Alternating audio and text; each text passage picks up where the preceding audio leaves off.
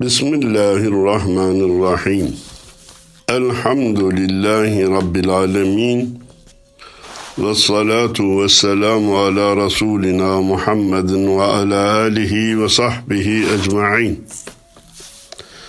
Erkam Radyomuzun saygıdeğer dinleyenleri, gönül dünyasına kulaklarını açan sevgili dinleyenler. Bu haftaki Mihrab'ın çevresinde programında yine baş başa olacağız. Değerli program arkadaşım Mehmet Hadi Duran kardeşimle inşallah ileriki haftalarda beraberce sohbet etmeye çalışacağız. Parantezi tekrarlayayım ki her ikimizin de sıhhati iyidir. Sadece tedbirler anlamında biraz programları tek taraflı yapma kararı aldık. Onun için böyle beraber olacağız. Geçen hafta hatırlayanlar varsa, olursa Tin suresinden başlamıştık. Zincirden, incirden, zeytinden, onlara yemin edilmesinin hikmetinden bahsetmiş. İnsanın en güzel şekilde yaratıldığını, ayet-i kerimeden naklen izah etmeye çalışmıştık. Ve programımızın sonunu da bir soru ile bitirmiştik. İnsan en güzel şekilde yaratılmıştır. İnsan vücudunu tetkik eden, onu yaratan Allah'a mutlaka teslim olur demiştik. Ancak sorumuz şuydu. En iyi şekilde yaratılan bu insan en güzel kıvamda yaratılan bütün insanlar bu kıvama layık bir hayat yaşamışlar mı?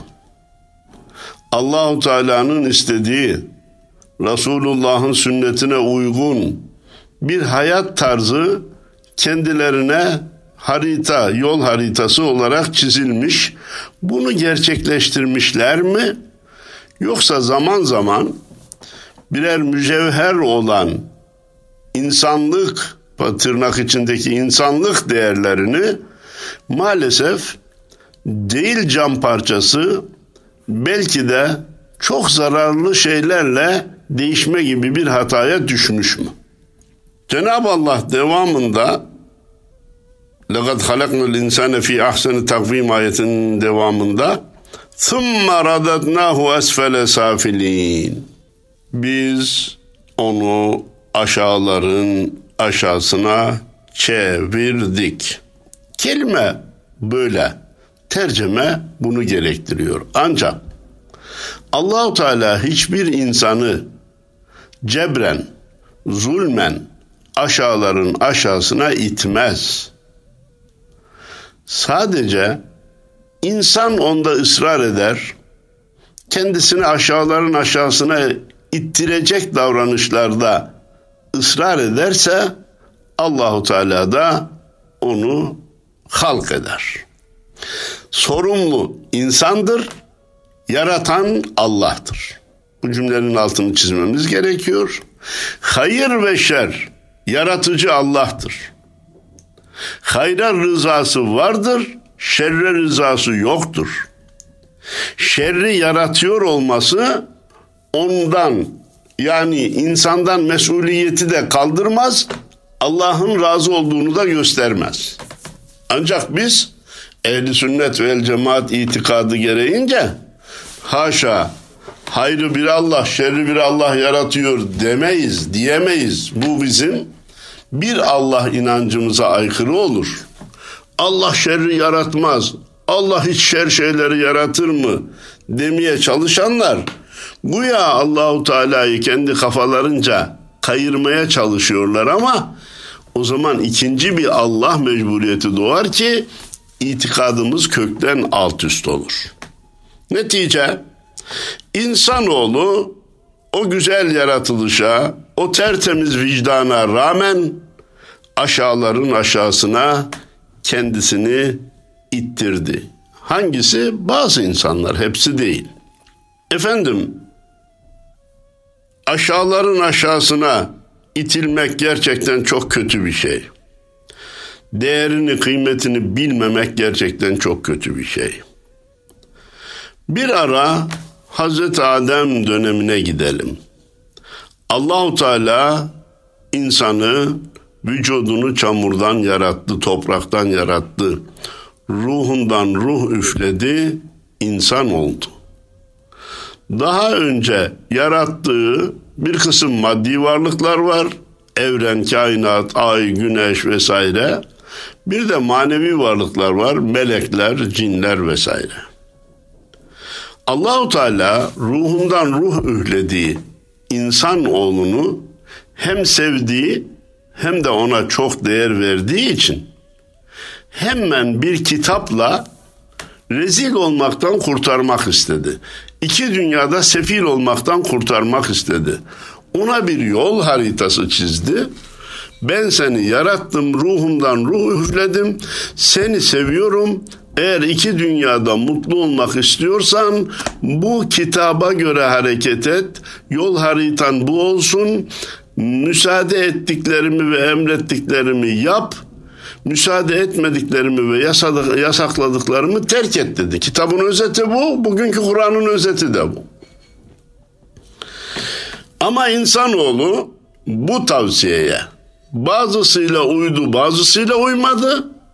Bazı insanlar da hayatlarının bir bölümünde uyup bir bölümünde uymadılar.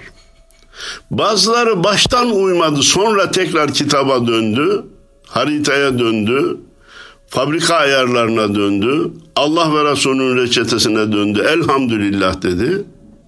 Maalesef bazıları da dindar bir ailede dünyaya gelip hayatının belli bir bölümünü dindarane yaşadı. Daha sonra nefse şeytana uydu, yanlış yola girdi, sonunda eyvah dedi.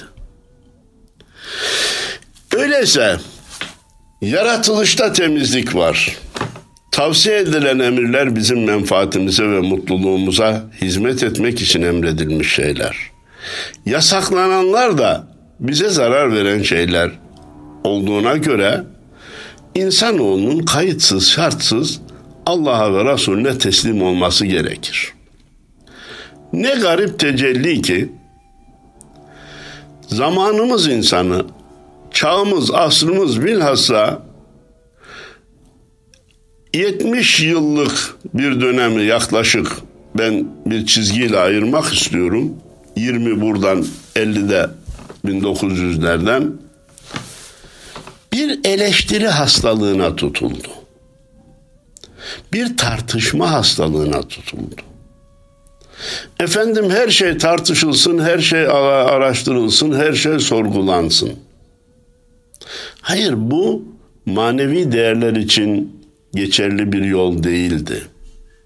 Ahiret tartışılmaz. Allah faizi haram kılmışsa bu sorgulanmaz. Allah namazı farz kılmışsa niçin denilmez. Emirler yerine getirilir. İşte bugünümüz insanı buna isyan ediyor. İsyan etmeyi de bir marifet zannediyor. Ben öyle kuralları aklıma vurmadan kabul etmem. Aklıma yatmadıkça kabul etmem demeyi bir şahsiyet belirtisi zannediyor. Oysa ki rahmetli Üstad Necip Fazıl hürriyet hakikata esaretten ibarettir diyor. Gerçek hürriyet hakikata esir olmakla gerçekleşir. Öyle her şeye isyan etmek insana çok şey kazandırmaz. İşte bunun için Cenab-ı Allah buyuruyor ki İllellezine amenu ve amilus salihati ancak inanırsanız kurtulacaksınız. İman teslimiyet demektir. Amenna ve saddakna. Semi'na ve ata'na. İnandık, tasdik ettik, işittik, itaat ettik. Kurtarıcı cümlelerdir. Can simitleridir. Boşluğa düşen insanoğlunu alayı illiyine çıkaracak kurallardır bunlar. Tamamen tersine giden insanlık bugün de kafayı duvarlara vuruyor, depresyonla, buhranla, intiharlarla, çeşitli olaylarla kendisini iki dünyada rezil edecek işleri hem de para harcayarak yapıyor maalesef. Dedik ki buraya tekrar geleceğim. Ee, Cenab-ı Allah kitap verdi, peygamber gönderdi onu da yaşayarak göstersin de insanlar yanlış yola gitmesin diye. Bu kitap ve peygamber hiç gönderilmeseydi insanlar yanlış yollara düşüp ne yapalım bilemedik yanlış yollara düştük diyebilirlerdi. Kitap ve peygamber geldikten sonra şu yola giderseniz rezil olursunuz, şu yola giderseniz mutlu olursunuz denildikten sonra hala rezilliğe giden yolları tercih edenlerin aslında bir mazeretleri yok. Yaptıklarının bir izahı da yok. Bilmedik diyemezler ki. Size söylenmişti deniyor. Yolun sonu baştan haber verilmişse o yola ısrarla gidip sondaki felaketi gören insana acınmaz. Başka bir kural var. Zarara bile bile girene merhamet edilmez. Biz başkalarına değil, nefsimize hitap ederek diyelim ki Allah ve Resulü senin için mutluluk yolunu çizmiş. Ona teslim ol.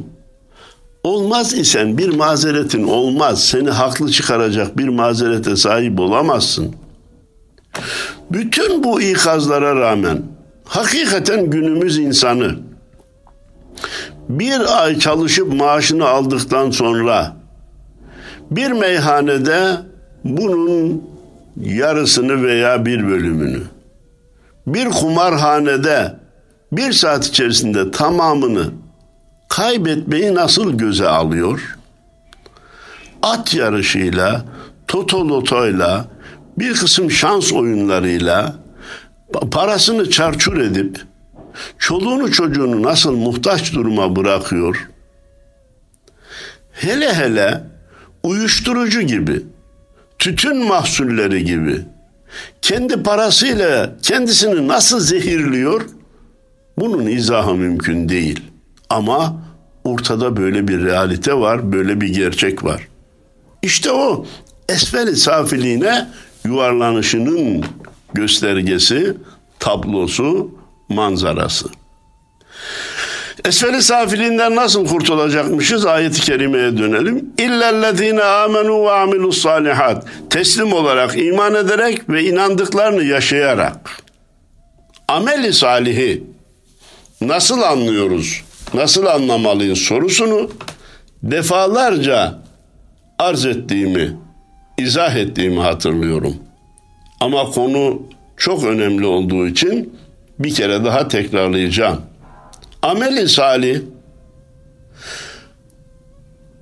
Türkçemize güzel işler diye tercüme edebileceğimiz, iyi davranışlar diye tercüme edebileceğimiz bir cümle. Ama bu nelerden ibaret? Bir kısmı çıkıp diyor ki, ya iyi ameli salih namazla, oruçla olmaz. Ya kimsenin hakkını yeme, herkese yardımcı ol, komşularınla iyi geçin, insanlara yol göster, fedakarlık yap, işte ameli salih budur.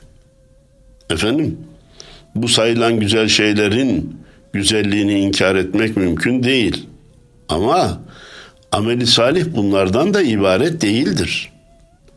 Namazsız, oruçsuz, zenginse hacsız, zekatsız, kurbansız ameli salih olmaz.'' Ama kabul edelim ki ameli salih sadece namazdan, oruçtan, hacdan, zekattan, kurbandan ibaret de değildir. Aynı zamanda insanlara karşı dürüst davranmak, kimseye hile huda yapmamak, kimsenin ırzına, namusuna yan gözle bakmamak, hatta daha ileri gidip bütün insanlara hizmet etmeyi bir ibadet kabul etmek, hizmet etmekten zevk alır hale gelmek, insanlara faydalı olduğu gün elhamdülillah diyebilmek, ameli salih cümlesinin ta içindedir. İkisi beraberdir. Ameli salih deyince hem Rabbimize karşı olan görevlerimiz hem insanlara karşı olan görevlerimizin bütünü olarak anlamalıyız. Böyle anlarsak daha faydalı olur dedik. Peki böyle yaparsa, ameli salihi işlerse hem Rabbine karşı olan görevlerini ihmal etmeden yerine getirir hem de insanlara dürüst davranır. Kimsenin hakkını yemez, kalbini kırmazsa ne olur? فَلَهُمْ اَجْرٌ غَيْرُ مَمْنُونَ O insan için bitmez, tükenmez nimetler verilir. Mükafatı Allah katında bekliyordur. Efendim mükafatın dünyada verilişi var mı yok mu? Bir, kısmi var, kısmi yok. Bütün iyiliklerimizin karşılığını dünyada alacağız diye bir kural yok. İki, Ahmet'e var, Mehmet'e olmayabilir. Mehmet'inki ahirete bırakılabilir. Takdir Allah'ındır. Burada yaptığı güzel davranışlardan dolayı illa dünyada ödüllendirilmesi gerekmez.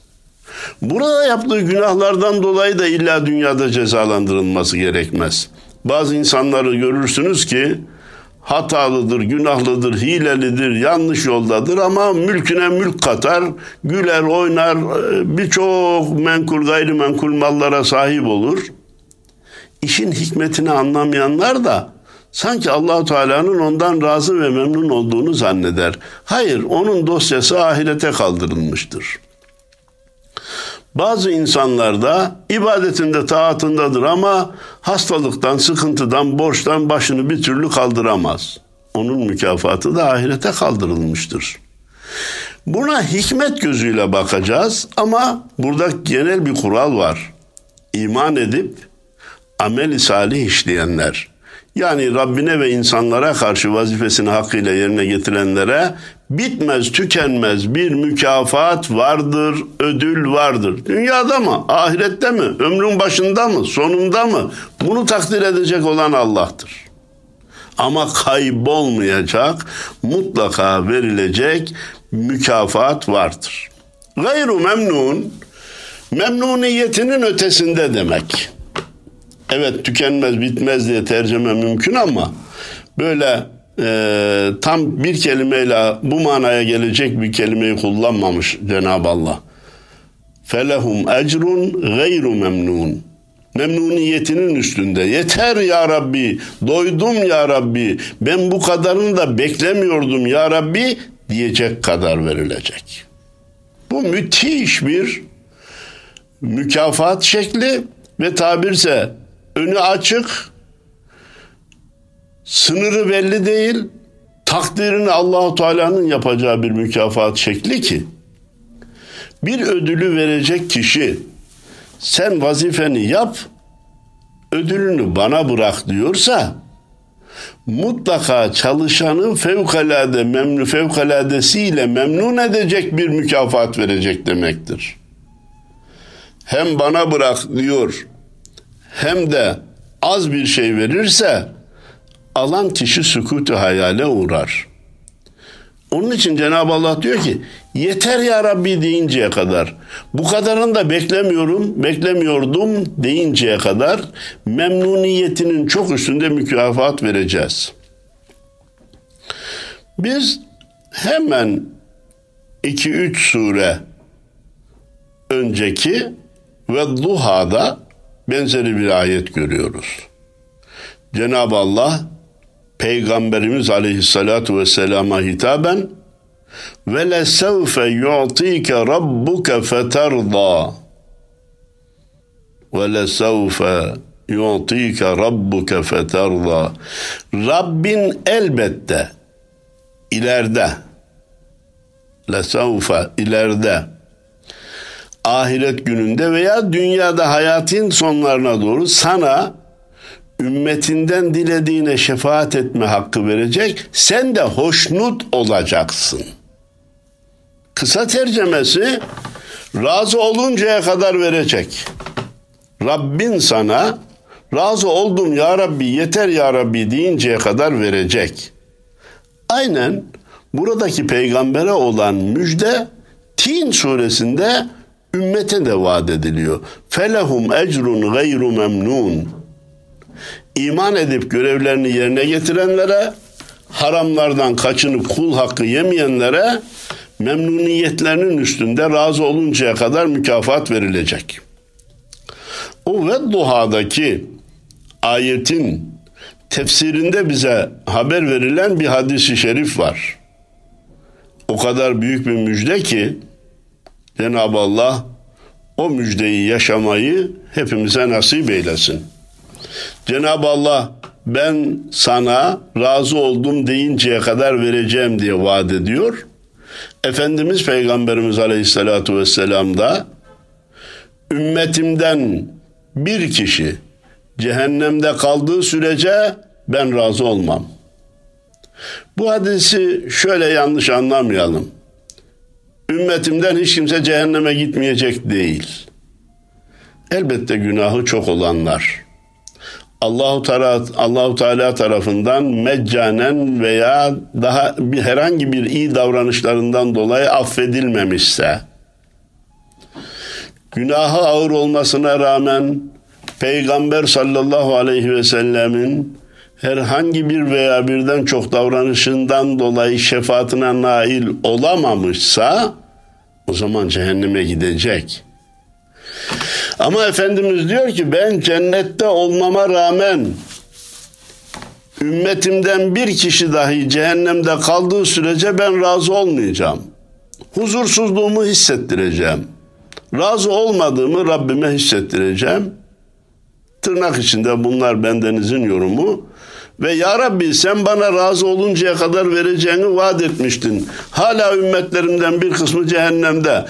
Onlar da çıksın ki ben razı olayım diyeceğim diyor. Cenab-ı Allah'tan niyaz edelim de yolumuzu cehenneme hiç düşürmesin. Eğer düşmüş isek de kısa zamanda çıkıp cennete ulaşmamızı nasip eylesin. Peki dönüyoruz Tin suresine.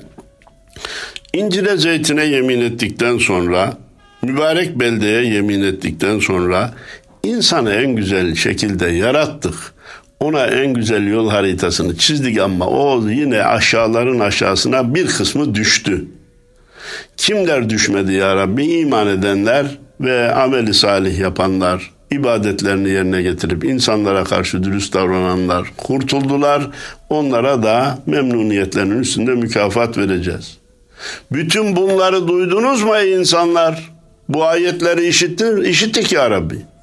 Fema yukezzibuke ba'du biddin. O halde bundan sonra sana din gününü ya da dinin kendisini yalanlatan nedir? E, din bildiğimiz din manasına geldiği gibi ahiret manasına da geliyor. Dini yalanlama ne? Ya bu çağda öyle şey olur mu? Kur'an 1400 sene evvel gelmiş, peygamber Suudi Arabistan'da gelmiş gibi sapır saçma, izahı mümkün olmayan sözlerle dinin tamamını yalanlayanlar olduğu gibi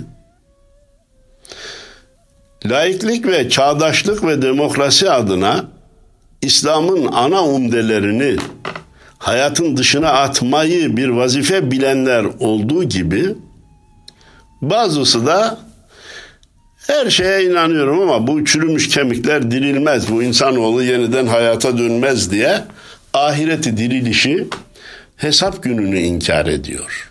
İkisi de dinden çıkma açısından birbirine eşittir. Güya insanoğlu ahireti inkar etmekle ahiretten kurtulacağını, sorumluluktan, cezadan, yaptıklarının cezasından kurtulacağını zanneder. Şeytan ve nefsin insanlara attığı ilk kanca ahirete ahireti reddetme kancasıdır.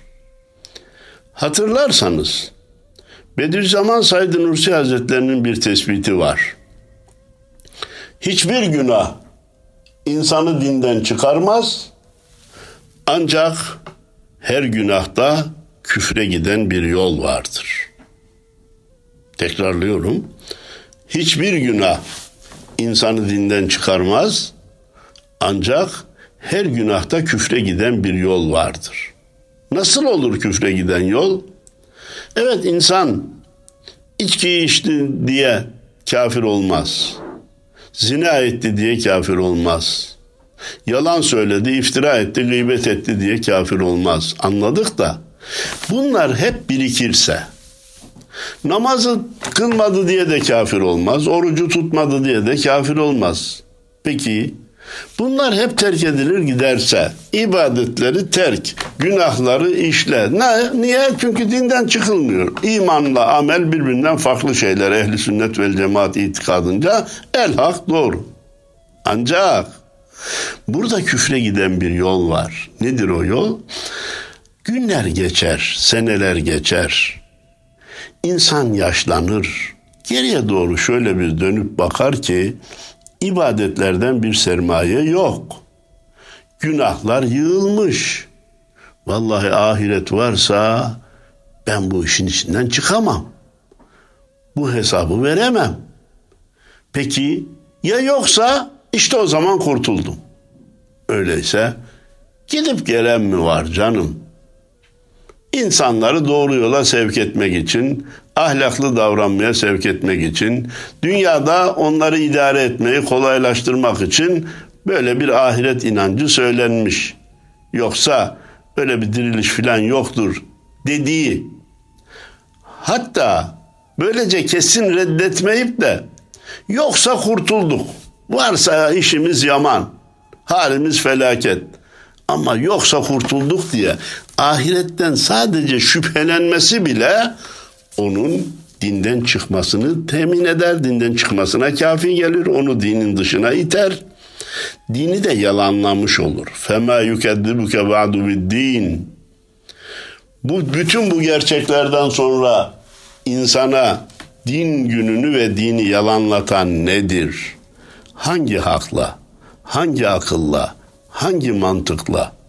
Siz dini ve dini hükümlere hayatın dışına itmeye çalışıyorsunuz.'' Ela ya'lemu men halak. Yaratan mı bilecek, siz mi bileceksiniz? Hiç yaratan bilmez olur mu? Allahu ya'lemu ve entum la ta'lemun. Allah bilir, siz bilmezsiniz. Allah'ın koyduğu hükümlerin hikmetlerini anlasanız da anlamasanız da hem kabule hem de uygulamaya yasaklarının kötü şeyler olduğunu kabule ve onlardan kaçınmaya da mecbursunuz. Siz kulsunuz. Allah kadiri mutlaktır, yaratıcıdır. Biraz evvel günümüz insanı eleştirme, karşı çıkma hastalığına müptela oldu dedim sorgulama hakkına müptela, e, hakkına sahip olduğunu zannediyor. O hastalığa müptela oldu dedim. İşitiyor, tacip ediyorum. Allahu Teala bana beni yaratırken bana danıştı mı? Bana danışmadan yarattıysa benim hayatıma ne karışıyor? Domuzu da Allah yaratmış, koyunu da Allah yaratmış. Niye birini helal ilan etmiş de birini haram ilan etmiş? Ya senin bunları söylemeye hakkın, hududun, sınırın var mı? Sen evvela bir kul olduğunu kabul et. Bilmediğin konularda ahkam sürmeye cesaret edemiyorsun. Gel şurada bir hasta var gel sen bir ameliyat et de bu adam kurtulsun bak çok sancı çek. E ben bilmem ki. Evde elektrikli alet bozuldu. Ya şunu bir tamir et de sana teşekkür ederim. E ben anlamam elimi sokarsam belki elektrik çarpar. Niye korkuyor? Bilmediğin konulara müdahale etmemen gerektiğini dünyevi işlerde kabul ediyorsun. İş din ve ahirete gelince Allah'a hesap sormaya, Allah'ı sigaya çekmeye, ayeti hadisi sorgulamaya kalkıyorsun. Bu ne kadar anormal bir davranış hakikaten esfel safilin diye ifade edilebilecek aşağılıklar aşağısı ulaike kel en'ami belhum adal bir başka Kur'an ayetinde de hayvanlardan daha aşağıya inişin şeklini yaşıyor 21. asırdaki insan. Dünya onun için huzursuz, dünya onun için şaşkın, benim tabirimle dünya onun için çılgın bir hayat yaşıyor. Bakın son ayeti kerime ne diyor bize? Cenab-ı Allah sorgulama ve isyan huyuna kapılan, bunu moda haline getiren, bunu bir marifet zanneden insanlara bıçak gibi bir ayet gönderiyor. Eleysallahu bi ahkemil hakimin. Eleysallahu bi ahkemil hakimin. Allah hükmedenlerin en iyi hükmedeni değil midir? Hakimlerin hakimi değil midir? En güzel hükümler Allah'a ait değil midir? Amenna ve saddakna de kurtul. Allah'ın emirlerini ve hükümlerini tartışmak insanın ne haddine? Sanki tartışınca da iyi bulacağını zannediyor. 25 kişilik komisyon kurun, bir konuyu ortaya atın, sabaha kadar tartışırlar da bir mutabakata varamazlar. Bana inanmayanlar televizyondaki açık oturumlara baksınlar. Başladığında kim ne diyorsa aynı şeyi söylüyor, bittiğinde kim ne diyorsa aynı şeyi söylüyor. Hani tartışma insanların gerçeği bulmasına yarayacaktı? İnsanlar tartışarak gerçeği bulacaklardı. Fikirlerin çarpışmasından hakikat doğar diyorduk. Günümüz insanı gerçeği bulmak için tartışmıyor. Kendi ideolojisinin haklı olduğunu göstermek, karşıdakini rezil etmek için tartışıyor. Bu tartışmanın ruhuna aykırıdır. Gerçeği bulma tartışması diye buna denmez. İmam Şafii Hazretleri rahimahullah buyurmuş ki ben hiçbir toplantıya oturmadım ki gerçeği karşımdaki söylese de ben onu kabul etsem diye düşünmüş olmayayım. İşte felsefe bu olmalı, bakış bu olmalı. Eleysallahu bi ahkemil hakimin ayeti kerimesine amenna ve saddakna Hakimler hakimi Allah'tır. Onun hükmünün üstüne hüküm olmaz.